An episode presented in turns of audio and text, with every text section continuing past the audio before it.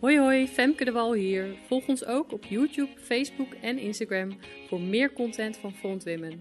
Geniet van deze boodschap. Hallo allemaal, welkom bij een nieuwe aflevering van Front Women Faith Today. En vandaag een bijzondere uitzending, want we hebben vandaag een uitzending over kerst. En natuurlijk extra bijzonder dat ik het samen met Tom doe vandaag. Dankjewel. Wat fijn dat je er bent. Ja, het is heel leuk om, uh, om jou eigenlijk te gast te hebben bij mij in de studio. Want uh, normaal zien we natuurlijk Tom altijd uh, in Voice of Fate en ja, eigen video's. Vragen Tom hebben we ook. En nou, ik dacht, het lijkt me wel heel erg leuk om deze kerstvideo met Tom op te nemen. En ik hoop dat jullie het natuurlijk ook leuk vinden. En ehm, ja, Tom, ik, ik zei al in de voorbereiding van het is leuk voor de mensen als je eens een keer iets extra's over jezelf vertelt, wat mensen eigenlijk nog niet echt van jou weten. Uh, dus uh, ja, brand los, iets van hobby's of... Uh... Ja, um, mijn hobby's, ik denk dat ik drie hobby's heb. Vissen, maar dat doe ik niet zo heel veel meer. Um, boeken lezen en sporten. Dus ik denk dat dat mijn, mijn drie hobby's zijn. Ja, nou, dat denk, dat denk ik ook. maar um, ja, um, wat, wat jij ook nog al zei in de voorbereiding, vond ik ook wel heel erg mooi. Dat je zei van, ja, eigenlijk is dit mijn hobby. Dat, ja. uh, dat is ook wel echt iets wat ik denk... Dat wij zijn natuurlijk uh, ja, getrouwd en uh, leven samen. Maar ik denk dat dat het wel echt heel erg kenmerkt. Dat in het begin ook dat wij op vakantie gingen of zo. Dan was jij niet zozeer aan die drie hobby's aan het denken. Maar dan dacht jij aan, ja, wat moet ik met vakantie? Want dan kan ik niet dan kan ik niet bezig zijn met waar ik echt uh, roeping voor ervaar. Of waar ik echt mee bezig wil zijn. Dus uh, ja, dat is ook echt je passie. En ik denk, ja, dat zal ook heel erg naar voren komen. Weer gewoon ook in deze video. Want uh, ja, het woord wat je dan deelt is gewoon zo krachtig. En nou ja, ik zou zeggen, laten we ermee, laten we gewoon beginnen. Want we willen het hebben over het kerstverhaal. En het kerstverhaal is eigenlijk iets wat uh, voor heel veel algemeen bekend is. En dus ook niet meer zo heel veel aandacht aan wordt gegeven. En voor heel veel mensen ook helemaal niet meer zo bekend is. En dan heb ik het ook vooral over uh, de kinderen die opgroeien bijvoorbeeld in. Uh, of uh, die naar scholen gaan die niet christelijk zijn. en bijvoorbeeld of de ouders zijn niet christelijk. Ja, dan krijgen heel veel kinderen niet meer echt dat verhaal mee. En uh, ik denk ook gewoon voor een hele hoop volwassenen, die kom ik ook nog steeds tegen, die soms gewoon heel het kerstverhaal niet kennen. En ik denk het is heel waardevol om dat uh, ook te kunnen delen met anderen. Dus ik wil jullie ook aanmoedigen als je de video ziet. Deel het met je vrienden, deel het met je kennissen. En het is heel mooi om zo met kerst ook gewoon het kerstverhaal is uh, nog een keer aan mensen te delen. En ja, dat gaan we dus vandaag doen. Ik wil jou vragen eigenlijk of je met ons wil lezen. Ja ja, ja, het kerstverhaal. Ja, nou, het kerstverhaal is behoorlijk. Uh, staat in twee evangeliën, zowel Matthäus als Lucas. En, en ander, allebei staan met net iets andere aspecten, wordt vanuit een andere hoek verteld. Uh, het is best wel, uh, als je het wil lezen in je Bijbel, is het best wel een lang verhaal, om het zo te zeggen, waar je best wel lang voor nodig hebt. Um, maar ik wil maar een klein stukje lezen. En dat staat in uh, Matthäus, hoofdstuk 2. En in dit stukje is Jezus is al geboren. Wat daaraan vooraf is gegaan, is eigenlijk dat um, op een gegeven moment een engel verschijnt aan Maria, de moeder van Jezus. En die zegt, ondanks dat Maria nog niet getrouwd was, ze had nog geen gemeenschap gehad met een man, zegt die engel tegen haar, je zal zwanger worden en je zal een kind baren. En je moet hem de naam Jezus geven. En natuurlijk is het natuurlijk iets wat onmogelijk is, dat een uh, vrouw zwanger wordt zonder dat ze gemeenschap heeft gehad. Maar daar komt eigenlijk al de essentie van wie Jezus is. En namelijk dat Jezus is niet zomaar een mens wat geboren werd. Jezus was de zoon van God. Jezus werd geboren uit een mens. Maar eigenlijk het zaad was Gods zaad. Het was Gods DNA. Het was, het was de zoon van God in een mensenlichaam die op de aarde kwam. En dan zijn er zelfs daar op het moment dat Jezus geboren wordt in die nacht beginnen uh, engelen beginnen te verschijnen. Ook aan herders, aan hele eenvoudige mensen die vertellen: de zaligmaker van de wereld, de redder van de wereld is geboren. En die herders komen hem dan opzoeken en die zien hem liggen in een kribbe omdat ze waren op zoek naar een slaapplaats. Maar ze, ze moesten zich allemaal laten inschrijven in die tijd. Dat staat op het evangelie van Lucas. Dat er werd een oproep gedaan, een volkstelling. Waar iedereen zich moest inschrijven. Ze gingen onderweg. Uh, Maria moest bijna bevallen. Kan je nagaan wat voor tocht dat geweest is als hoogzwangere vrouw. In die tijd hadden ze nog geen comfortabele auto's of uh, dat soort dingen. Het was gewoon uh, te voet met een ezel, met, met lastdieren. En uh, op een gegeven moment, dus, terwijl ze hoogzwanger is en op die tocht onderweg moet ze bevallen, er is nergens plek. En uiteindelijk komt ze dus terecht in een herberg, maar zelfs in een stal. En Waar Jezus dus geboren wordt en in een kribbe wordt gelegd, in een voederbak van dieren. Dat is eigenlijk al een bizar verhaal, maar ook een heel mooi verhaal. Omdat het laat iets zien over de nederigheid van God. God wilde zichzelf bekendmaken aan de wereld. Dat is eigenlijk de geboorte van Jezus. En God koos er niet voor om het met een hele hoop bombarie in die zin te doen. En, en uh, ergens in een koningshuis op een troon geboren te worden. Nee, hij kwam als mens. Hij, hij kwam als een van ons. Hij, wilde, hij was ontzettend nederig. En hij werd geboren, hij werd gelegd in een voederbak van dieren. Nou, als je daarover nadenkt, joh, hoe zou God zichzelf in de vorm van een mens bekend willen maken? Dan zegt dat al iets over het karakter van God. God dringt zichzelf niet op in ons leven. Um, God staat niet constant van, joh, kijk naar mij, kijk naar mij. God wil iets doen in jouw leven. Hij wilde voor jou zijn. En hij kwam dus nederig in een voederbak. En die herders die komen daar op een gegeven moment naartoe. Um, maar dan gebeurt er nog iets. Op het moment dat Jezus geboren is, zie je dat de hele wereld reageert daar eigenlijk op. Um, de herders reageren erop. Er gebeurt er echt iets bijzonders. En dan staat er dit in Matthäus 2. Er staat, toen nu Jezus geboren was in Bethlehem in Judea in de dagen van koning Herodes, zie dat er wijzen uit het oosten kwamen in Jeruzalem. Ze zeiden, waar is de pasgeboren koning van de Joden? Want we hebben een ster in het oosten gezien en zijn gekomen om hem te aanbidden. Toen koning Herodes dit hoorde, raakte hij in verwarring en heel Jeruzalem met hem. En nadat hij alle overpriesters en schriftgeleerden van het volk bijeen had laten komen, wilde hij van hem weten waar de Christus geboren zou worden. En ze zeiden tegen hem in Bethlehem in Judea, want, daar staat, want zo staat het beschreven door de profeet. En dan lezen ze die profetie vol uh, voor. En er staat dat Herodes wilde nauwkeurig weten waar de ster was. En uiteindelijk wil Herodes wil uh, wil het kind doden, want hij is bang dat er een andere koning komt. En dan Jozef en Maria vluchten, maar daarvoor vinden de wijzen uit het oosten, vinden Jezus en die brengen hun schatkisten, hun schatten brengen ze bij Jezus. En dan wordt Jozef gewaarschuwd in een droom om te vluchten voor Herodes. Nou, dit is even heel grofweg het kerstverhaal, de geboorte van Jezus. En je ziet dus dat er uh, eigenlijk allerlei bijzondere dingen gebeuren. Engelen beginnen te zingen, die herders komen, Jezus wordt geboren in een voederbak.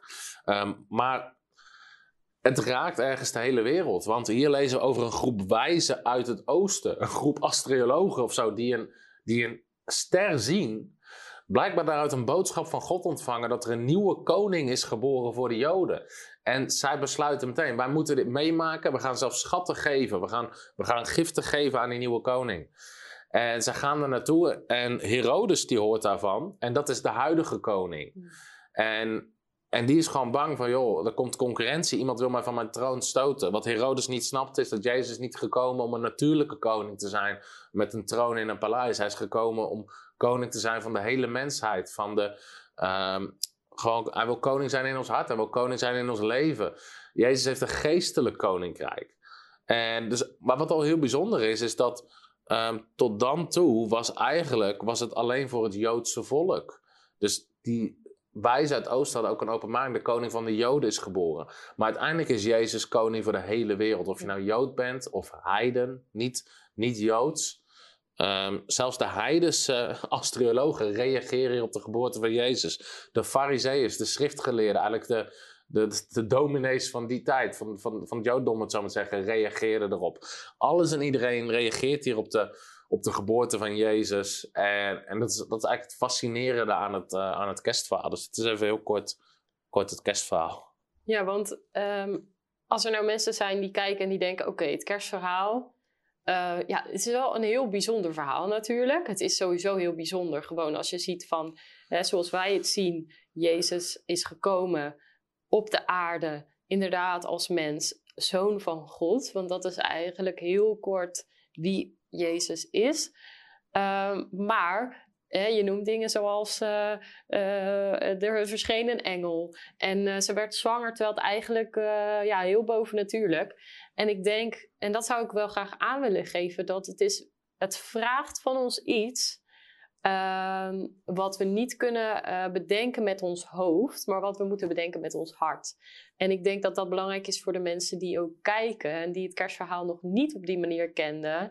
Uh, dat, ja, dat, dat je toch zegt van oké, wacht, het kerstverhaal, nou, dat is wel een beetje een vreemd verhaal in je hoofd om te snappen, maar laat ik eens kijken of ik het met mijn hart kan snappen. En ik hoop ook dat in deze video dat je, uh, dat je je hart open wil zetten daarvoor en wil luisteren naar van wat Jezus nou precies kwam doen. Want we hebben het gehad dus over de geboorte van Jezus. Jezus is gekomen op een bijzondere manier al. Uh, en uh, jij zegt eigenlijk van, uh, ja, iedereen reageerde daarop, er werd iets verwacht. En wat, kwam Jezus, wat komt Jezus eigenlijk doen dan, als we zien van hij is geboren als baby? Nou, ik denk inderdaad ook wat belangrijk is om te beseffen, waarom kwam Jezus? Waar, maar waarom kwam Jezus ook op zo'n bijzondere manier? Waarom beginnen engelen te zingen, wijzen uit het oosten? Waarom reageert alles erop? Waarom moest Jezus geboren worden uit de maag? Dat zijn natuurlijk hele bijzondere dingen. En we zitten nu, we zitten nu in, in, het Nieuwe Testament te lezen, in het eerste evangelie, dus het eerste boek van het Nieuwe Testament. Maar al helemaal in het begin van het Oude Testament had God gesproken dat op een dag dat Jezus zou komen. En hier hebben we dus over duizenden jaren voor de geboorte van Jezus. Wat gebeurde daar? Is God had de mens gemaakt, Adam en Eva, de eerste mens, en hij had ze gemaakt en had ze geplaatst zeg maar, in de Hof van Eden. De Hof van Eden was paradijs op aarde, was perfect. Er was geen zonde, uh, er was geen pijn, er was geen ziekte. Mensen, de Bijbel zegt daar, God wandelde met de mens. God en mens leefden gewoon samen, in eenheid, in verbondenheid, in relatie met elkaar. En wat daar gebeurt is, op een gegeven moment zie je dat de slang, dat wat de duivel is, de duivel in de vorm van een slang, verleidt de mens om te zondigen tegen God. Om God niet te geloven, om God te wantrouwen. En sterker nog, ook iets te doen wat van God niet mocht. En je ziet daar, God geeft de mensen een vrije keuze om met hem of zonder hem te leven. En God zegt, ik wil graag met jullie wandelen. Ik wil je blijdschap, vrede, liefde, al die dingen geven. Um, van alle bomen mag je eten, maar er is één boom waar je niet van mag eten. Waarom deed God dat? Omdat God wil de mensen vrije keus geven. De keus geven om met hem te wandelen of niet met hem te wandelen. God is niet op zoek naar robots die gewoon het doen omdat het moet of omdat ze geen keus hebben. En de mens doet daar iets essentieels. Die kiest er namelijk op dat moment voor om God niet te vertrouwen, niet naar hem te luisteren en, en God ongehoorzaam te zijn. En op dat moment zet God zet ze uit de hof. Maar God gaat dan ook een gesprek aan met de duivel. En dan staat er al dit in Genesis um, hoofdstuk 3. Dan staat er: Ik zal vijandschap teweeg brengen tussen u, tussen de slang en de vrouw, tussen uw nageslacht en haar nageslacht. En dan zal u. Uh, uh, de kop vermorzelen en u zult het in de hiel vermorzelen. En het is een beetje een, een, moeilijke tekst, maar uiteindelijk zegt God hier al veel. Er zal een moment komen dat door een vrouw, door de geboorte van een, uh, of door waar een vrouw geboorte aan gaat geven, dat uiteindelijk de kop van de slang vermorzeld gaat worden. En u zult het de hiel vermorzelen. Nou, waar gaat dit over? Ik snap het best wel moeilijke taal voor mensen die het niet kennen. Wat, waar het hier over gaat, uiteindelijk de duivel zorgt ervoor dat zonde, ellende, ziekte, al die dingen de wereld in komen. En God heeft al een plan op lange termijn om dit aan te gaan pakken. En, maar God heeft hem aardig gemaakt voor de mens. En de mens had ervoor gekozen om tegen God te zondigen en bij God weg te raken. Dus God moest het ook weer door een mens heen herstellen. Alleen God wist ook, er is geen mens um, perfect, om het zo maar te zeggen. Er is geen mens zo gehoorzaam om dit te doen, om dit te kunnen doen. Dus God had een briljant plan om zelf te komen in de vorm van een mens. En dat is de reden dat Jezus geboren werd uit een natuurlijke vrouw, maar niet natuurlijk geboorte met een man, omdat dat was Gods kant. God in de vorm van een mens die kwam. En dan staat er hier al, het, uh, uiteindelijk de slang, uh, u zult het de hiel vermorzelen. De duivel wist op het moment dat Jezus geboren wordt, hij, Uiteindelijk, de duivel is niet alwetend, de duivel weet niet alles. Uh, maar de duivel wist wel, hier is iets aan de hand. Want er werd inderdaad geprofeteerd, ook door de profeten, de, op een dag zal God het weer herstellen. Op een dag zal, um, dat noemen ze de Messias komen. Degene die ons zal verlossen, die onze zonde zal vergeven, die herstel zal brengen tussen God en de mens. En de duivel wist op dat moment dat het aan het gebeuren was. Want de wijzen uit het oosten reageerden, de engelen verschenen aan de herders. Uh, Herodes, Herodes raakt in paniek. De duivel weet, hier gebeurt iets. Alleen wat hij niet weet, is Gods plan, hoe God het wilde herstellen. Dus op het moment dat Jezus geboren wordt, we weten allemaal, op een gegeven moment, Jezus heeft, heeft, heeft 33 jaar geleefd, hij is toen gekruisigd. Omdat de duivel wist dat God iets van plan was met deze mens, maar eigenlijk God zelf in de mens. Dus de duivel dacht, ik moet dit plan stoppen. Dus wat de duivel deed, is dat hij zette allerlei mensen op tegen Jezus. Terwijl Jezus nooit gezondigd had, nooit iets fouts had gedaan. Hij was zonde zonde. Maar het feit dat Jezus zonde zonde was, dat Jezus perfect was. En dat Jezus God was in de vorm van een mens. Hij genas zieken, hij bevrijdde mensen, hij vergaf mensen van hun zonde. Jezus was puur goedheid, pure liefde in de vorm van een mens. En andere mensen konden het niet uitstaan. Ze waren jaloers, ze konden het niet hebben, ze konden het niet uitstaan, want de aandacht ging naar Jezus. Dat Jezus zulke menigtes achter zich trok. En de duivel stookte mensen tegen Jezus op, de religieuze leiders. Want hij dacht, om het plan van God te stoppen, zorg ik dat deze mens, dat Jezus, de Messias, gedood wordt. En dan stopt daar het plan van God, dan stoppen mensen met achter hem aan. Dus, weet je, hij probeerde het in de, de van morzelaar. Hij probeerde Jezus te doden aan het kruis. En hij weet al die mensen tegen Jezus op te stoken. Jezus wordt gekruisigd. En daarom zegt de Bijbel in 1 Korinthe dat als de leider, als de duivel had geweten wat hij had gedaan, had hij het nooit gedaan. Want hij dacht op dat moment, ik heb gewonnen. Hij is dood.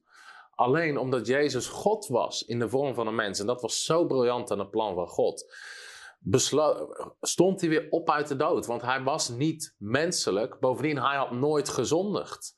En de reden dat mensen uh, eigenlijk klem zaten, om het zo maar te zeggen. De reden dat mensen. Uh, God had nooit bedoeld, al Genesis, dat mensen zouden sterven. Ze hadden eeuwig kunnen leven met God. Maar Jezus was God in de vorm van een mens. En Jezus staat weer op uit de dood. Hij zegt op een gegeven moment ook in Johannes Evangelie, hij zegt de duivel komt, maar hij heeft aan mij niets. De duivel kon Jezus niet vasthouden in dat dodenrijk. Niet vasthouden in die macht van zonde, want Jezus had nooit gezondigd. Dus Jezus stond weer op uit de dood en daarmee vermozzelde hij de kop van de duivel. Jezus pakte terug de autoriteit. De mens was op een dag, was de relatie met God verloren. Uh, maar Jezus pakt dat weer terug in de vorm van een mens. En hij kiest ervoor om aan het kruis de zonde van de hele wereld te dragen. Alle fouten van die mensen te dragen. En op die manier had een mens alle pijn, alle zonde, alle ellende gedragen. En had de duivel geen recht meer op de mensheid. Dus ieder, en dat is uiteindelijk zo bijzonder. Waarom moest Jezus komen? Uiteindelijk omdat de mens een gigantisch groot probleem had. En dat probleem heet de zonde. En afgescheiden zijn van God. En de mens had de autoriteit eigenlijk, had de regie overgegeven aan de duivel. En Jezus kwam om dat terug te halen. Dus dat is, en daarom gebeurde het dus ook zo bovennatuurlijk. Daarom moest, het, moest God het in de vorm van een mens doen. Ja, ja. Ja, en dat is eigenlijk ook, dat is ook eigenlijk van, ik zei van, probeer het met je hart te pakken, want met je hoofd, dan kom je er gewoon niet bij. En ik denk dat we proberen dat wel. En dat uh, wordt ook heel veel geprobeerd door, uh, uh, hoe zeg je dat, wetenschappers enzovoort. En die komen steeds weer met nieuwe theorieën en proberen te verklaren eigenlijk wat we al zien. Want dat is wat er voornamelijk heel veel gebeurt. Er wordt verklaard wat we al zien. We denken, hé, hey, hoe zit dat? Dan gaan we het uitzoeken. En dan komen er verklaringen van wetenschappers. Alleen het ding is eigenlijk dat... En dat kun je alleen maar met je hart pakken, maar... Um, um, zelfs als je bijvoorbeeld helemaal wetenschappelijk kunt verklaren hoe een lichaam is gemaakt, uh, dan nog hebben we te maken bijvoorbeeld met emoties en met een heel andere persoonlijkheid die in ieder lijf leeft. En zelfs een, een, een, een persoon kan heel erg op elkaar lijken qua uiterlijk, maar kan qua innerlijk compleet anders zijn. Er, er is zoveel in het onzichtbare uh, wat, uh, ja, wat God in hoe creatief hij is, heeft bedacht en heeft gemaakt. En uh, uh, ja, ik denk dat wat ik nog wel wilde vragen is, we hebben het over de duivel. En ik denk dat voor heel veel mensen van, oh ja, oké, dus ja, ik sta hier inderdaad op de aarde. Hè? Ik heb nu gehoord, Jezus is gekomen. dat is natuurlijk prachtig nieuws, want dat is ook wat we zeggen van de kerst is de, is de blijde boodschap dat Jezus is gekomen. En uiteindelijk dus met dat hij voor ons is gekomen, voor onze zonde. Maar oké, de duivel en even heel kort van, van wie is de duivel en wat. Ja. Nou, ik denk dat je hier wel. kijk, wat, wat, wat heel belangrijk is, en dat ook om dit verhaal te begrijpen. Ik zeg altijd, dat je de Bijbel zegt, Johannes 3, vers 16, al zo lief had God de wereld, dat hij gaf zijn enige geboren zoon, dat hij gaf Jezus zijn enige zoon, opdat een ieder die in hem gelooft, niet verloren gaat, maar eeuwig leven heeft. Ja. Dus staat niet een ieder die hem snapt. Snappen doen we met ons hoofd. En dat is inderdaad wat wetenschap zit in redenatie en, en is ook al, is al niet verkeerd. Alleen wat wetenschap niet kan onderzoeken, is het feit dat er naast het zichtbare, dat er meer is, dat is het onzichtbare, dat is de geestelijke wereld. Er is een hele geestelijke realiteit die wij niet zien. Want het is geestelijk, het is niet natuurlijk. Maar het is wel een realiteit. De Bijbel zegt ook: God is geest. Er is een hele geestelijke realiteit. En heel veel mensen vergeten dat, want ze kunnen alleen maar het natuurlijke zien. Jaren terug was er een Russische astronaut en die ging de ruimte in. En die kwam weer terug. En het statement wat hij maakte uh, als eerste is: Ik heb geen God gezien, dus hij bestaat niet. Ik heb geen God gezien, dus hij bestaat niet. Dat statement maakte hij. Alleen de fout die hij maakt, hij kan alleen kijken in de natuurlijke wereld. Ja. En ik heb ooit wel eens iemand uit horen leggen: het zou bijna zijn als dat je een boek schrijft over iemand, over een personage. En het personage van dat boek loopt naar zijn kelder om de schrijver van het boek te vinden. En zegt dan, nou, ik vind geen schrijver, dus die is er niet. Maar God is eigenlijk de grote schrijver achter alles. Hij is de grote regisseur. Alleen het speelt zich af in het geestelijke. Ja. En dat is wat heel veel mensen niet begrijpen.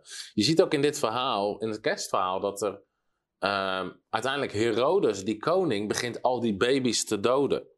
Dat is wat in het natuurlijke gebeurt. Wat gebeurt daar in het geestelijke? Er zit een hele wereld achter. Dat is namelijk dat de duivel probeert daar al het plan van God te stoppen. Ja. Dus er zijn heel veel dingen in het natuurlijke die gebeuren waar een geestelijke realiteit achter zit. Ja. En mensen vergeten soms dat, weet je, er is een geestelijke realiteit, er is een natuurlijke realiteit. De Bijbel zegt dat God is uitsluitend goed. God heeft een goed plan voor mensen. God wil mensen helpen. Maar naast God is er ook een duivel. Nou, het is niet zo dat God de duivel heeft gemaakt. Wat God heeft gemaakt, God heeft engelen gemaakt. En een van Gods, eigenlijk Gods hoogste engelen, Gods beste engelen, uh, een van de aartsengelen, was de duivel. Maar die was toen niet slecht. Hij heeft zich tegen God gekeerd omdat hij wilde ook die autoriteit hebben. Hij wilde eigenlijk zijn zoals God zegt de Bijbel. Dus hij keerde zich tegen God. En dus hij, het is niet zo dat God de duivel heeft gemaakt. De duivel heeft zichzelf gemaakt door zich tegen God te keren. En sindsdien is hij een tegenstander, om het zo maar te zeggen, van God. Alleen het ding is, ze zijn geen gelijke partij. Want de duivel is geschapen en God is de schepper. God is degene die het gemaakt heeft. Maar wat wil de duivel? De duivel heeft zo... Waarom heeft de duivel ten diepste zo'n rothekel aan de mens? Dat is omdat God, dat lezen we in Genesis, de mens heeft gemaakt om met hem te wandelen, om relatie te hebben, om, om eenheid te hebben, liefde te hebben. En er was dus een dag dat de duivel dat ook had, dat hij naast God stond, dat hij met God leefde, dat ze relatie hadden. Omdat de duivel zich tegen hem keerde, tegen God, en hij wilde de mensheid en andere engelen achter zich krijgen. Um, heeft hij er een hekel aan als mensen wel met God wandelen. Als mensen doen waar God ze voor gemaakt heeft. Want dat wil hij niet. Dat probeert hij te voorkomen. En God geeft mensen weer de vrije keus. Zeg maar wat je wil. God wil met mensen leven. God wil zelfs eeuwig leven geven. Er komt een dag dat je leven hier op aarde voorbij is. Nou, wat is dan voorbij? Is jouw fysieke lichaam. Ik weet niet of je er wel eens over na hebt gedacht, maar jouw lichaam is zoveel meer dan alleen eh, een grijze brei hersens. dat leg maar eens dingen uit zoals emotie, gevoel. Weet je, er is ook een hele geestelijke realiteit. Er is een geestelijke persoonlijkheid. Er leeft een geestelijke jij in dit lichaam. Het is anders ook heel raar als mensen sterven. Misschien heb je er wel eens over nagedacht van, uh, laten we zeggen, een jong iemand krijgt een hartaanval. Waarom kunnen ze op een gegeven moment dat lichaam, waarom zouden ze dat hart niet gewoon weer aan de gang kunnen krijgen? Met, met, met alles wat, omdat er een geestelijke persoon zit. En als die uit het lichaam is, is dat lichaam dood. En, want het lichaam leeft niet de Bijbel zegt in Genesis, God maakte eerst het lichaam. Dat lichaam was daar gewoon. En toen blies God zijn, zijn levensadem in de mens. En daardoor werd de mens een levende mens. Dus dat lichaam op zich doet niks. Het is de mens, de geestelijke mens, de, de, de onzichtbare mens, die, die inderdaad emoties, al die dingen heeft, die dat lichaam levend maakt. En als dat leven klaar is, gaat die mens daaruit, maar die leeft verder in de eeuwigheid. Er is een bestemming in de eeuwigheid voor een ieder van ons. Dus dat is een hele geestelijke realiteit die achter onze natuurlijke realiteit zit. En heel veel mensen zijn het helemaal uit het oog verloren. Zeker in het Westen, waar wetenschap en redenatie uh, eigenlijk bijna verheerlijkt wordt. Ja. En de geestelijke realiteit wordt een soort van weggemoffeld van, joh, als je het niet kan zien, is het er niet. Ja. En op die manier denken we het weg te kunnen moffelen. Alleen het feit is, als ik het niet kan zien, als ik mijn mok achter mijn Bijbel verstop, en voor jullie zit hij er dan voor, maar voor mij zit hij er nu achter. Ik kan wel zeggen, ik zie hem niet, dus het is er niet. Maar dat is niet hoe het werkt. Het is er nog steeds. Het feit dat ik het niet zie, verandert niks aan het feit dat het er nog steeds is. Ja, amen. Dat is vaak wat wetenschap probeert te doen. Nou, we zien het niet, dus het is er niet. Hmm.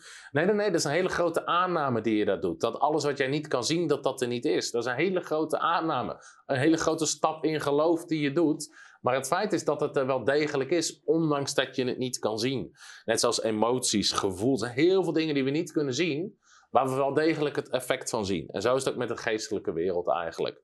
En dat is ook een beetje het kort het verhaal van de duivel, hoe dat zit. Ja. Ja, ja, in het kort. Ja, nou, dat, eh, dit is alleen maar mooi, want eh, ik bedoel, het is ook niet zo in een notendop te vertellen. En we, proberen dat wel in deze video, dus we proberen gewoon het kerstverhaal eh, ja, te, presenteren of te, te, brengen zoals die eh, in de Bijbel staat. Alleen ja, de Bijbel is dus een heel dik boek. Dus, en eigenlijk als je het ene aanhaalt, haal je ook het andere aan. Want dat is dus in het kerstverhaal heel erg belangrijk om te snappen.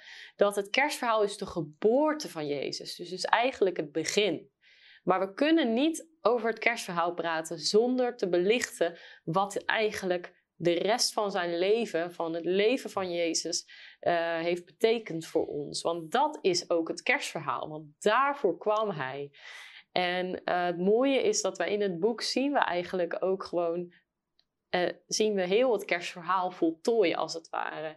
Terwijl op dat moment, kan me voorstellen dat het voor die mensen heel apart was. Want op dat moment wisten zij, want er stond dus inderdaad in de profetie in het Oude Testament, stond dus dat er een, een koning geboren zou worden. Maar zij hadden verwacht inderdaad dat het met heel veel bombarie zou zijn, in een koningshuis, op een troon. Want dat is toch wat koningen zijn. Maar God liet inderdaad echt zijn hart zien door de geboorte van Jezus. Doordat Jezus kwam als een mens en doordat Jezus ook dus kwam in, ja, in omstandigheden die helemaal niet zo, eh, zo geweldig waren. Ehm, eh, liet, liet God ook zien dat, dat de nederigheid en het hart wat hij heeft. En eh, wat ik inderdaad ook nog mooi vind om aan te halen, dus over de duivel en over God. Want ik kan me voorstellen als je het kerstverhaal hoort of je kent God nog niet van ja, de duivel en, en God. Het is allemaal een beetje, hè, ik hoop dat het nu al wat duidelijker is geworden door wat Tom heeft Maar wat ik altijd heel erg goed vind om te snappen, is dat de Bijbel zegt: de duivel komt om te roven, te stelen en te vernietigen. En God komt om leven te geven en dat in overvloed. En ik hoor heel vaak om me heen van ja, iedereen heeft toch problemen. Iedereen heeft toch wel eens wa- wat. Of mensen die niet gelovig zijn, die zeggen: ja, zonder God is mijn leven ook gewoon goed. En ik heb het goed en ik heb kinderen en ik heb een huis en ik heb, nou, noem maar op. En dat is zeker in de westerse wereld ook een grote valkuil, waardoor we denken dat we God niet nodig hebben. Ehm, maar los daarvan is inderdaad wat Tom zei: we leven in een geestelijke wereld en op een dag stopt het hier. En eh, ja, dat is een heel ander zijspoortje, maar ik wa- was toevallig een documentaire aan het kijken over, eh, over eh, mensen die uit het leven stappen, mensen die zelfmoord plegen. En er was dus bijvoorbeeld een, een jonge meid. En eh, ik dacht echt bij mezelf, dat kan iedereen overkomen. Ehm, want die moeder die deed het verhaal. En ik dacht, nou, dat zou iedereen eh, eh, bij de dochter kunnen eh, voorkomen. Eh, maar eh, die dochter die was een jaar of veertien. En die was dus uit het leven gestapt. En die moeder die vond een briefje. En op het briefje stond: Het is niet dat ik een slecht leven heb gehad. En die moeder die zei dat ook. Van hè, we praten over alles. Had een leuk leven voor wat ik kon zien en voor wat ik zag.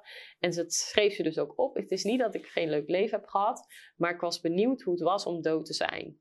En toen dacht ik bij mezelf: Het is eigenlijk jammer dat nooit iemand ons kan vertellen hoe dat dan inderdaad is om dood te zijn. Want dat meisje wilde dat dus heel graag weten. En had dus eigenlijk, heeft dus zelf opgeschreven dat er eigenlijk geen reden was om uit het leven te stappen. Dan te weten om, hoe het is om dood te zijn. Maar ik denk, ja, voor iedereen, hoe je het ook went of keert, zit het eraan te komen. Dat we een, op een dag niet meer hier op aarde zijn. Wel alleen nog ons lijf, maar niet meer onze geest. Niet meer de, de, de persoon die we zijn. Sommige mensen zeggen het stopt in één keer.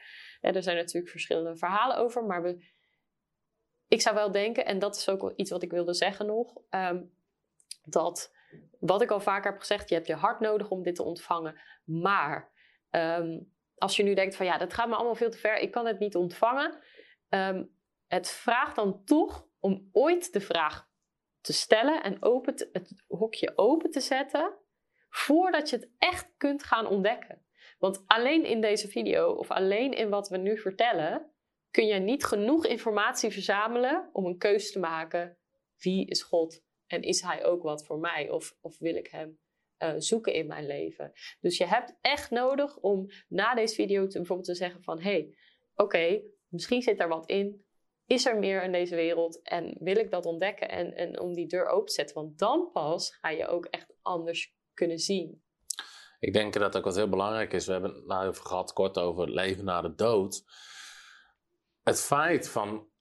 Wat we dus moeten beseffen is: de mens is een geestelijk, is een geestelijk wezen, om het zo maar te zeggen, een geestelijk schepsel.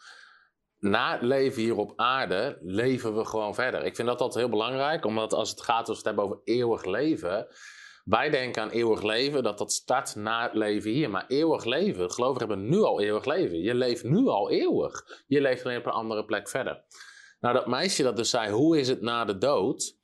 Ehm, zij is daar dus ergens nieuwsgierig naar. Maar het bijzondere is dit, als het gaat om waarom kwam Jezus... En dat de Bijbel zegt, jij had het net even over dat heel veel mensen in die tijd hadden ook verwacht dat Jezus een natuurlijke koning zou worden.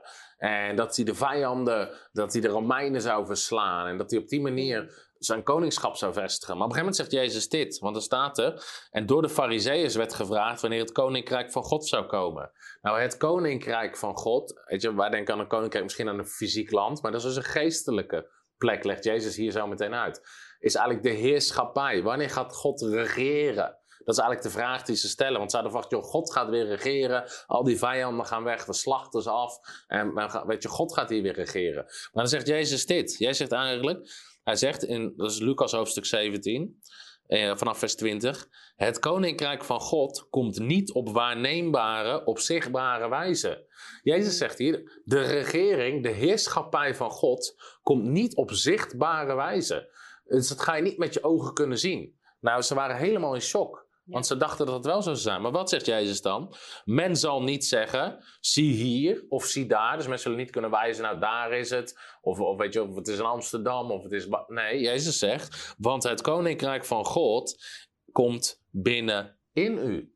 Dus Jezus zegt, God wil heersen in de mens, van binnenuit. Nou, wat zegt, wat zegt Romeinen erover? En dat vind ik zo mooi als het gaat ook over leven na de dood. Eh, In Romeinen staat dan, het koninkrijk van God eh, is niet in eten of drinken. Dus dit niet in natuurlijke zaken. Even kijken, hoor, waar hebben we het? Romein hoofdstuk 14 is het uit mijn hoofd. Er staat hier, het koninkrijk van God bestaat niet uit eten of drinken. Dat gaat dus niet om natuurlijke zaken. Maar uit gerechtigheid, vrede en blijdschap in de Heilige Geest. Nou, wat betekent dit? Het koninkrijk van God zit binnenin je. En heel veel mensen weten ten diepste wel binnenin, hebben ze binnenin zichzelf gerechtigheid ontvangen. Hmm. En dat, dat gaat niet over goede daden doen. Dat gaat over recht staan met God. Heb je vrede met God? De Bijbel zegt in Romeinen hoofdstuk 5 dat Jezus heeft vrede gemaakt tussen God en de mens. De mens had gerebelleerd tegen God, was weggelopen van God. Jezus bracht de mens door zijn offer aan het kruis terug bij God. Jezus heeft vrede gemaakt tussen God en de mens. Dus heb je van binnen vrede met God? Heb je van binnen gerechtigheid met God? Heb je van binnen ten diepste blijdschap? Nou, dat is niet blijdschap met materiële dingen van, oh, ik heb een iPhone of oh, ik heb dit. Dat is blijdschap in, nat- in natuurlijke dingen, in materiële dingen. Ja, en, Nee. dat, en dat kun je dus zelf ook, eh, want ik had het net heel veel over die problemen en ik bedacht me dat ik daar niet op terug was gekomen. Maar dat kun je dus zelfs ervaren met de grootste problemen. Want ik denk, wij maken ook dingen mee in Ja. ons leven als christenen. Alleen die blijdschap die binnenin je zit, is een Ja. zekerheid dat God, eh, dat God je wil helpen en dat God aan jouw kant staat en dat God Ja. met je is. En dan zelfs in, in de diepste tranen kun je een glimlach soort van op je gezicht krijgen. Ik denk dat het een beetje aanvult met dat het een blijdschap is die niet inderdaad eh, meer eh, is met, met spullen of zo. Ja. ja, het gaat veel verder. En daarom zeg ik, je kan nu al weten hoe het leven na de dood is. Waarom? Ten diepste van binnen. Ik heb geen enkele angst voor de dood. Ook geen enkele vraagtekens over de dood. Want ik weet, mijn lichaam zal hier wel stoppen. Maar ik leef gewoon verder in de eeuwigheid. Ik heb vrede met God. Ik heb gerechtigheid met God. En daarom zegt de Bijbel zegt zelfs in Romeinen: het is de Heilige Geest van God. Nou, God is geest.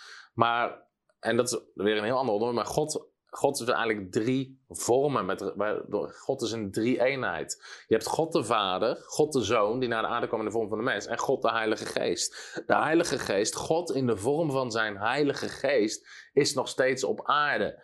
En, en dan zegt de Bijbel dat onze geestelijke mens getuigt met de Heilige Geest als we. Uh, en dan noemen we wedergeboren worden, of als je tot geloof bent gekomen, dat je een kind van God bent.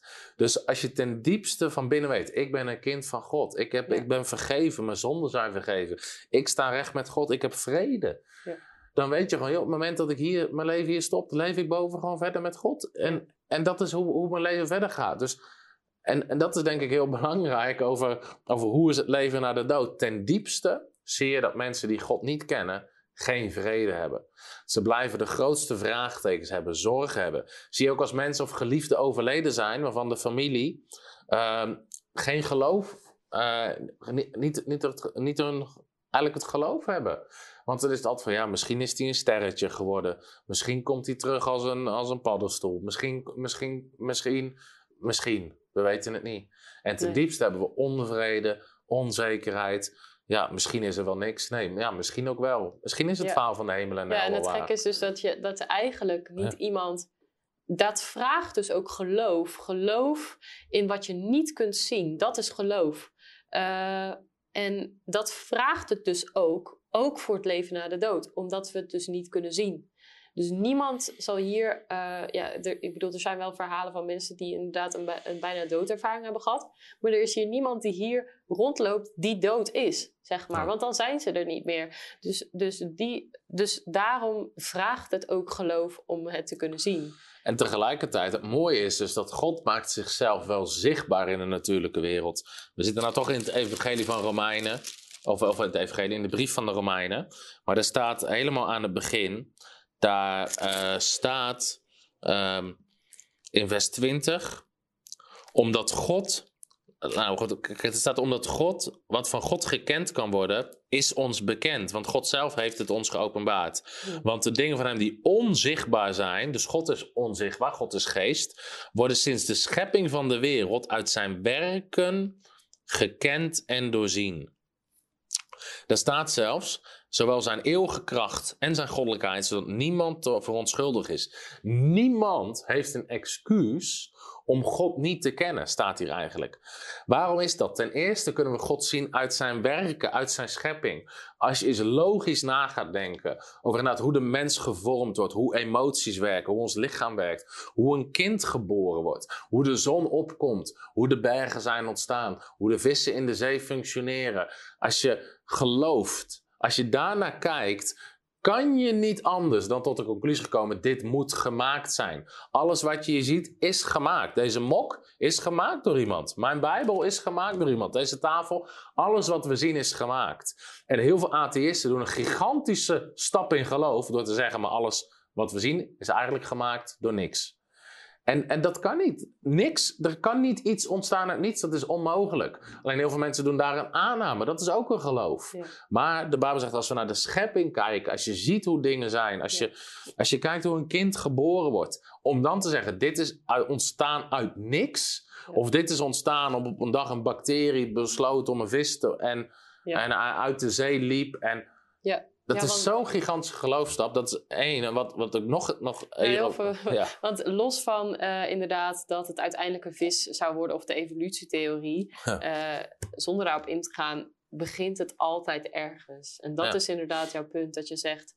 zelfs dat moet dan toch ontstaan of gemaakt zijn. En dat kan wel door deeltjes zijn, maar wie heeft dan die deeltjes gemaakt? En dat is, uh, ja. Ja, en ten, wat ik ook heel mooi vind erin, is dat de Bijbel zegt dat geen schot heeft gemaakt de mens in zijn beeld en in zijn gelijkenis. Dus in ieder mens zit iets geplant van wie God ten diepste is. Ja. Nou, wat bedoel ik daarmee? Ondanks natuurlijk, weet je, we lezen in de Bijbel wat God goed vindt, wat God niet goed vindt. Maar ten diepste, hele volken die de Bijbel niet hebben, die God niet kennen. In ieder volk is iemand slaan of iemand schoppen, iemand verwonden, iemand doden, iemand verkrachten, vindt iedereen fout. Daarvan zeggen we dat is fout. En iemand helpen, iemand beter maken, iemand liefde geven, iemand genezen, vindt iedereen goed. Ja. Nou, hoe kan dat? Dat is een stuk van God wat in de mens gelegd is. God heeft de mens gemaakt om te helpen en te zegenen. Als er niks is hier op aarde, als er geen God is, bepaalt niemand wat goed of fout is. Dan is er geen morele standaard, is er geen morele wet. Ja. Je bij wijze van spreken, even heel bot gezegd, je zou... Kijk, iedereen vindt Hitler, vinden we fout. Fout, heeft miljoenen mensen vermoord. Vinden we allemaal fout. Als er geen God is, als er niemand is die uiteindelijk bepaalt hoe dingen gaan, waarom dingen gaan, of dingen goed of fout zijn, waarom is dan wat Hitler gedaan heeft fout? En over 100 jaar, als jij er niet meer bent, en Hitler is er al lang niet meer en die mensen zijn er al lang, waarom is het dan fout geweest? En dan zie je dat, dat we eigenlijk in de knoop komen, want we doen weer een geloofsaanname. We vinden het fout omdat, ja, waarom is dat eigenlijk fout? En zeker als we er over 100 jaar allemaal niet meer zijn en daarna is er niks, waarom zou het dan fout geweest zijn? Wie bepaalde Ja. op de liefste dat dat fout was? Waarom het fout is, bedoelt is omdat eigenlijk- God in de mens het heeft. Ja. Ja, jij bedoelt eigenlijk van als het toch allemaal maar stopt en Ja. er is hierna niks, Ja. ehm, wat maakt het dan uit wat we hier doen? Ja, Want wat we maakt hebben het dan inderdaad uit? vaak, we hebben inderdaad vaak een, een, een, toch een gevoel van dat het goed is Ja. om goed te doen. Want sommige mensen die ook vraagt van, hey, eh, ehm, eh, waar ga jij heen bijvoorbeeld als je komt te overlijden? Dan eh, zouden ze kunnen zeggen van ja, nou ja, ik eh, denk, nou, als ze bijvoorbeeld al geloven in van een goede of een slechte plek, dan denk ik naar de goede plek, want ik doe goede dingen. Of ze geloven dat het stopt. Maar ja, wat heeft het dan voor nut wat je hier überhaupt doet? En sommige mensen voelen dat ook zo. Dat is wel heel heftig. Maar die denken van, ja, wat doe ik hier eigenlijk? Ik kan er net zo goed niet meer zijn.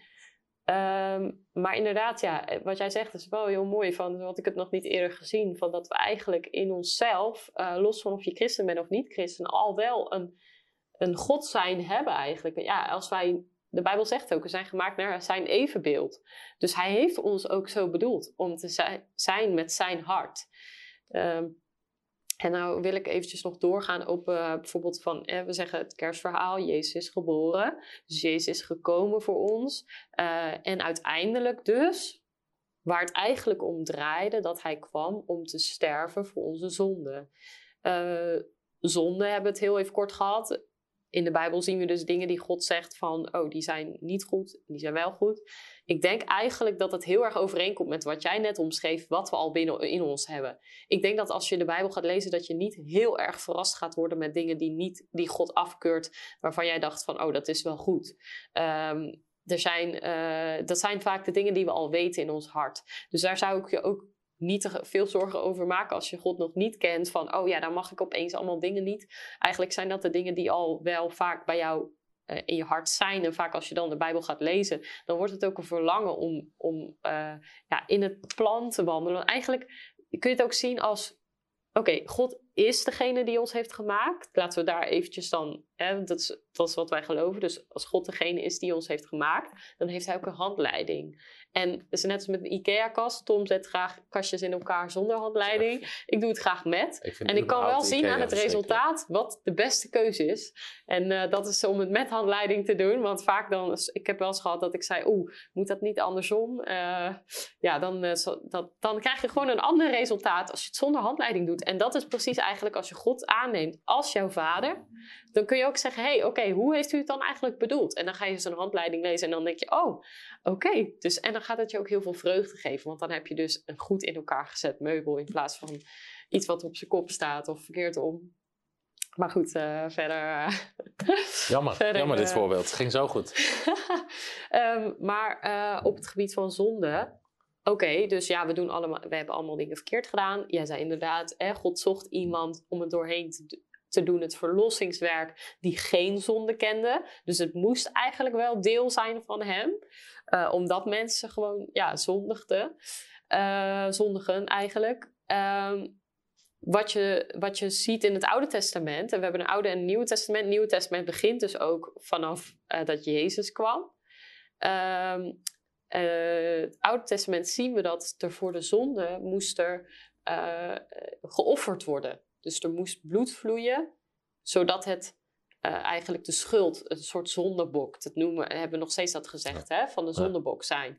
Dus je, je, je bent eigenlijk iemand die het dan opneemt voor eigenlijk de zonde. Dus dat waren onschuldige dieren. Uh, alleen in het Nieuwe Testament was, want sommigen zeggen ook, ja, waarom moest hij nou sterven aan het kruis? Want hè, er zijn natuurlijk zoveel meer vragen en je bent ook welkom om die te stellen. Uh, hè, daar willen we ook best op reageren. Um, alleen hebben we nu gewoon niet de tijd voor. Maar waarom moest, uh, uh, waarom moest Jezus nou op die manier sterven? En ik denk dat dat heel kort gezegd is. Van, uh, in het begin moesten er nog dieren ook bloed vloeien voor ons. Maar dat nu is eigenlijk het verlossingswerk dat Jezus bloed heeft gevloeid voor ons. zodat wij weer recht staan met God. Zoals we ooit bedoeld waren in de tuin. zoals Adam en Eva waren met God. Uh, wandelen met God. Zo zijn wij nu ook weer herenigd met God door eigenlijk iets wat we niet verdienden, wat we toch hebben gekregen, namelijk Jezus uh, die aan het kruis ging, die stierf voor onze zonde. En daardoor mogen we dus tot God komen.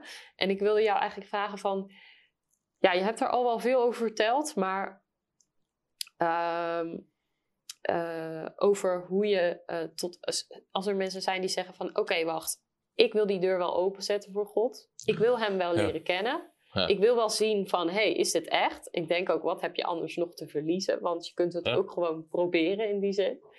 Um, ja, wat zou je daarover kunnen zeggen? En wil je ons dan uiteindelijk ook meenemen in de, in de gebed? Ik denk om nog heel even kort uit te leggen hoe het werkt. En ik denk, dit zijn soms hele lastige dingen om uit te leggen, omdat we natuurlijke woorden, natuurlijke voorbeelden gebruiken voor eigenlijk ten diepste geestelijke zaken. Dus ik heb al gezegd, de mens is eigenlijk een geestelijk wezen. Wat gebeurde er? Even terug naar Genesis. God zei, op het moment dat je van die boom eet, zul je voor zeker sterven. Je zal sterven.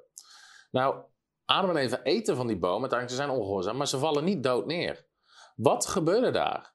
Want God had zegt, je zal sterven. Ze stierven geestelijk. Hun geestelijke mens binnenin hun. De mens bestaat uit drie onderdelen. We hebben een lichaam, dat is wat gewoon, dat is dit. We hebben een ziel, dat is onze menselijke kant, onze persoonlijkheid, dat is ons karakter, dat is ons verstand, dat zijn onze emoties. En we hebben een geest, dat is onze geestelijke mens die in contact staat, die relatie heeft met God. Wat gebeurde toen ze aten van de boom? Dat contact met God werd verbroken. Hmm. Daarom noemt de Bijbel mensen die Jezus niet aangenomen, geestelijk zijn ze dood, zijn ze niet levend. Ze staan niet met hun geestelijke mens in contact met God. Ja. Waarom moest Jezus sterven aan het kruis? Soms zeggen mensen van ja, maar waarom moest God zijn eigen zoon dan aan het kruis hangen? Nee, nee, nee, dat is niet hoe het werkt. Wat je moet begrijpen is, op een, de, de mens had een probleem. Er was sprake inderdaad eigenlijk van schuld. De, mensen stond, de mens stond in de schuld naar God toe. Ze hadden gezondigd, zich afgekeerd van God. De mens had een probleem met God. Iemand moest dat oplossen. Sommigen zeggen, maar kon God niet zomaar vergeven? Kon God het niet zomaar kwijtschelden? Nou, dat werkt nooit zo. Als ik bij wijze van spreken iemand zijn auto leen, ik, bij ik ga naar mijn buurman, ik zeg, buurman, mag ik even de auto lenen? En weet ik veel, ik rijd de straat uit, ik rij hem in elkaar. Iemand moet die schade betalen. En of de buurman het nu zelf doet, ik het doe, de verzekeringsmaatschappij het doet. Als je wil dat het hersteld wordt, is er iemand die de schade moet betalen. Wat deed God? De mens had gezondigd, maar God betaalde zelf de schade. Door zelf in de vorm van een mens naar de aarde te komen, aan het kruis te sterven. Wat, wat gebeurde daar? Jezus.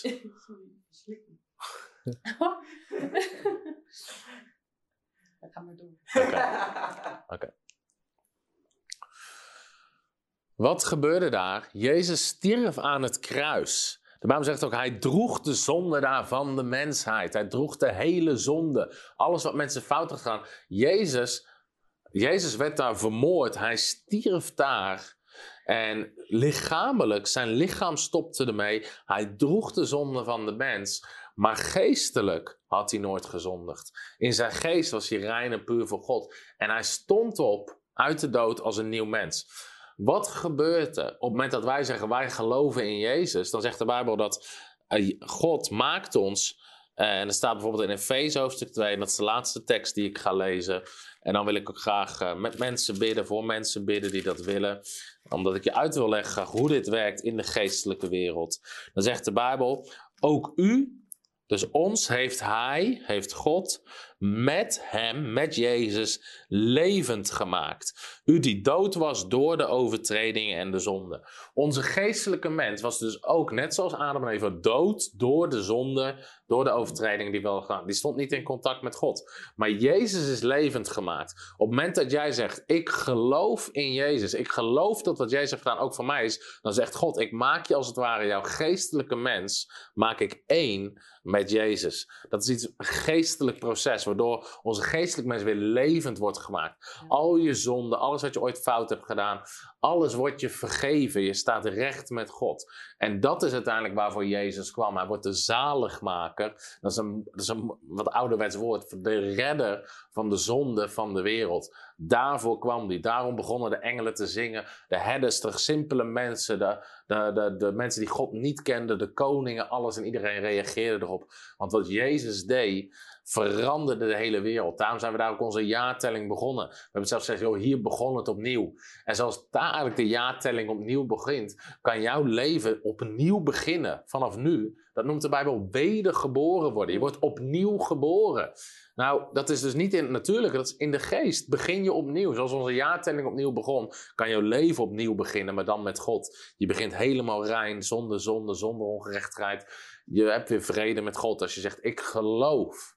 Ik geloof dat u kwam naar mij voor deze aarde, dat u stierf aan het kruis, dat u dat de zonde van de wereld, u heeft de prijs voor mij betaald als het ware. Die auto die ik in elkaar heb gereden, ik heb het verprutst, maar Jezus heeft die prijs betaald en ik accepteer dat. Ik, ik geloof dat u opstond uit de dood en uh, dat, dat Jezus opgestaan is uit de dood. En daardoor word jij één met Jezus op het moment dat je zegt, ik geloof dat. Heer, ik accepteer dat u plaatsvervangend voor mij de prijs hebt betaald. Stel je voor het voorbeeld met de buurman dat iemand anders daarbij stond toen ik zijn auto en die komt naar mij toe en die zegt: Joh, uh, verschrikkelijk wat hier gebeurd is, ik betaal die hele schade.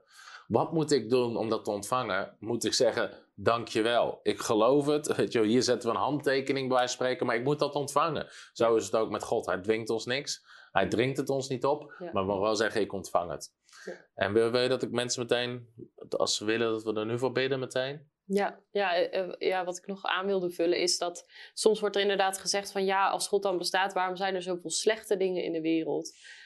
En ik denk dat het vooral heel veel ook te maken heeft, even los van heel de Bijbelse uitleg die we er weer aan zouden kunnen geven, um, heeft ook heel veel te maken met het karakter van God om niet in te grijpen als wij daar niet om vragen. En uh, daar bedoel ik niet mee dat we bidden, Heer, uh, los alle problemen op in de wereld. Maar dan bedoel ik dat het begint met de individu en dat ben jij. En dan zeggen ze ook wel eens een betere wereld begint bij jezelf. Maar dat is in dit geval dus ook zo dat jij kunt God, die alleen maar goed is, alleen een enkel goed, kun jij ontvangen in je leven. En dan ga je ook zien dat inderdaad de reden waarom er zoveel ellende in de wereld is, is ook omdat dus de duivel nog zoveel ingang krijgt bij mensen. Of bij, hè, inderdaad, jij hebt wel eens gezegd van, God is het niet die staat met een uh, geweer in een oorlog. Dat zijn mensen. Ja. En God heeft een hart voor de mens. En God heeft ons op het oog. God heeft jou op het oog. God houdt van jou. God heeft een plan met je leven. En dat is, dat is eigenlijk het kerstverhaal. Uh, het kerstverhaal is Jezus voor jou eigenlijk. Uh, Jezus is voor jou gekomen zoveel jaar geleden. Was, had God al zijn oog op jou. En dat is, dat is inderdaad uh, heel mooi om nog mee te geven. En dan wilde ik inderdaad vragen of jij wilt bidden. Ja, um, ja voor de mensen, met de mensen. Ja, ik wil graag gebed bidden. En misschien als jij zegt, joh, ik wil ook gewoon graag dat er iemand is die voor mij bidt of met mij bidt. Je hebt dit gehoord, zeg, joh, dit is nieuw, maar dit is wel wat ik wil ontvangen. Dan kan je ook weer vanaf januari, kan je op dinsdagavond bellen, vanaf 8 uur. Dan hebben we een gebedslijn. En op www.frontrunnersministries.nl Kan je gaan naar gebed? Kan je telefoonnummer vinden? Als je dan belt, zijn er ook mensen die graag met jou willen bidden, voor jou willen bidden. Maar ook op dit moment, als je gewoon zegt: Oké, dit is misschien voor je nieuw, misschien heb je dit voor het eerst gehoord, misschien heb je het kerstverhaal al vaker gehoord, maar heb je nooit zo de geestelijke dimensie erachter gesnapt. En zeg je inderdaad: Ja, ik wil dat ontvangen. Ik wil ontvangen. Ik wil eigenlijk als het ware mijn handtekening zetten onder het schadeformulier dat iemand anders daarvoor heeft betaald, dat wat Jezus deed. En als jij dat bent, dan kan je gewoon op dit moment, waar je ook bent, kan je gewoon dat is het mooie, omdat het geestelijk is. Je hoeft niet naar een kerk toe. Jezus is niet in de kerk. Jezus is eh, door de Heilige Geest overal. En God hoort alles. Dus waar je ook bent, misschien zit je op je slaapkamer in de auto in de bus. Als je op dit moment zegt, in je hart, dat je gewoon zegt: Vader God, hm. ik geloof dat u Jezus naar de aarde heeft gestuurd voor mij. Ik geloof dat hij voor mij is gestorven aan het kruis. En ik geloof dat u bent opgestaan uit de dood. Ik wil dat ontvangen. Vergeef me mijn zonde. Maak me geestelijk een nieuw mens. Als je dat zegt op dit moment, dan word je levend gemaakt. Dan begint je geestelijke leven. Dan ben je opnieuw geboren. En ik wil ook bidden voor ieder die dit kijkt. Vader God, dank over alle mensen die het gekeken hebben. Heer, ik bid dat de woorden die we gesproken hebben, dat ze zullen zegenen, dat ze zullen helpen. Dat mensen de geestelijke wereld zullen begrijpen. We willen u danken dat u uw zoon zond naar deze wereld. Dat u Jezus heeft gegeven om ons te vergeven. En ik bid ook dat de mensen die het horen, die dit zien, die dit luisteren, dat ze u zullen ontvangen. Dat ze eeuwig leven zullen ontvangen. In de naam van Jezus Christus. Amen. Amen. Ja. Ja, nou echt heel erg gezegend met, uh, met het kerstverhaal uitgelegd voor de mensen. Althans, ik in ieder geval. Ik hoop jullie ook. Ik hoop de mensen die God al wel kennen. Ik hoop ook de mensen als je kijkt uh, als je God nog niet kent, dat je gezegend bent door, de, door uh, de uitleg van het kerstverhaal. Even ook op een hele andere manier misschien. Of uh, misschien wist je nog helemaal niks over het kerstverhaal. Ik wil je ook uitnodigen dat mocht je vragen hebben aan ons, willen we die graag beantwoorden voor je. Je kunt een mailtje sturen naar info.frontrunnersministries.nl of je kunt gaan naar bijvoorbeeld Frontwomen Facebook, Frontrunners Facebook. Um, of Instagram pagina. En uh, stel je vragen vooral, want uh, ja, we, zijn, we, staan er heel erg voor open. En um, ja, ga het avontuur aan met God. Ga het avontuur aan wat Hij voor je heeft. En als je dus echt zegt van, nou, ik geloof er helemaal niks van. Dat kan. Dan is toch de kunst om te denken, oké, wacht, ik geef het een kans. Want als het toch niet waar is, dan gebeurt, dan gebeurt er gewoon niks. Maar ja, ik uh, kan mij nou wel al vertellen dat er wel wat gaat gebeuren. En ik hoop dat je, daar, uh, ja, dat je daarvoor open staat en dat je daar enthousiast over bent. Want de maker van je leven ontmoeten is het mooiste wat je kan overkomen.